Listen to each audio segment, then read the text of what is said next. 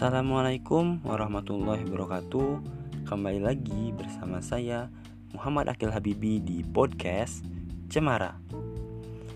Hmm, Pada kesempatan kali ini kita akan membahas mengenai contoh penerapan janji dalam bisnis dan keuangan menurut fatwa.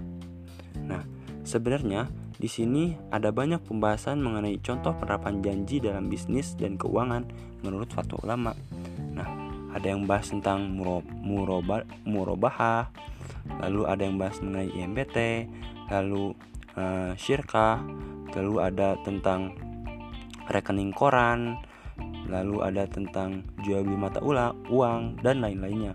Tapi di sini saya akan uh, lebih berfokus kepada uh, contoh penerapan uh, janji dalam bisnis dalam keuangan menurut fatwa pada masalah murabahah itu murabahah nah murabahah sendiri itu adalah jual beli dengan uh, dasarnya ada informasi dari pihak penjual terkait dengan harga pokok pembelian dan tingkat keuangan yang diinginkan. Nah, janji yang berkaitan dengan jual beli murabahah antara lain dapat uh, dilihat dalam fatwa DSN MUI nomor 4 uh, eh, tahun 2000 dalam akad murabahah yang diimplementasikan di lembaga keuangan syariah, terdapat janji untuk membeli barang dari penjual. Karena tahapan utama dari akad murabahah adalah terjadi uh, sebagai berikut. Yang pertama itu janji nasabah untuk uh, Lalu yang kedua ada transaksi jual beli antara nasabah dengan lembaga keuangan syariah atas barang sesuai pesanan Nah, jadi janji dari nasabah untuk membeli gitu.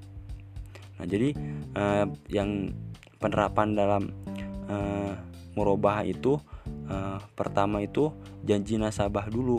Nah, baru terjadinya jual beli antara nasabah dan uh, LKS itu. Lalu substansi DSN MUI nomor 4 tahun 2000 tentang murabahah ada sebagai berikut. Nah, ada juga nih substansinya yang pertama, nasabah itu uh, mengajukan permohonan dan janji pembelian barang. Lalu yang kedua, uh, oh janjinya kepada bank tuh. Lalu yang kedua, jika bank menerima permohonan tersebut, ia harus membeli terlebih dahulu aset yang dipesannya secara sah dengan pedagang. Lalu yang ketiga, bank kemudian menawarkan aset tersebut kepada nasabah dan nasabah harus menerima atau membelinya sesuai dengan janji yang telah disepakatinya. Karena secara hukum janji tersebut e, mengikat kemudian kedua belah pihak harus membuat e, kontrak jual beli gitu.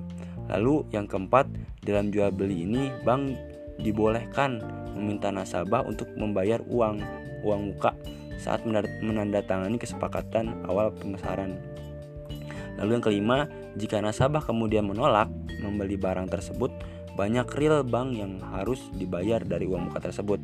Yang keenam, jika nilai uang muka kurang dari kerugian yang harus ditangguh yang ditanggung oleh bank, maka dapat meminta kembali sisa kerugiannya kepada nasabah. Lalu yang ketujuh, jika uang muka mem memakai kontrak urbun sebagai alternatif dari uang muka, maka eh, yang pertama, jika nasabah memutuskan untuk membeli barang tersebut, ia tinggal membayar sisa harga. Tapi, jika nasabah batal membeli, uang muka tersebut jadi milik, milik bank maksimal sebesar kerugian yang ditanggung oleh bank akibat pembatalan tersebut. Nah, dan jika uang muka tidak mencukupi nasabah, wajib melunasi kekurangannya. Nah, jadi berdasarkan poin pertama dan ketiga dalam fatwa tersebut terdapat ketentuan mengenai janji gitu. Nah, yang pertama itu nasabah mengajukan permohonan. Jadi ngajuin permohonan dulu tuh dan e, janji pembelian suatu barang atau aset kepada bank. Lalu yang kedua, bank kemudian menawarkan aset tersebut kepada si nasabahnya. Nah, dan nasabahnya itu harus harus menerima, harus membeli gitu. Sesuai dengan janji yang kesepakatan di awal gitu, janji yang telah disepakatinya. Lalu karena secara hukum janji tersebut mengikat, kemudian kedua belah pihak itu harus membuat kontrak jual beli gitu secara tertulis.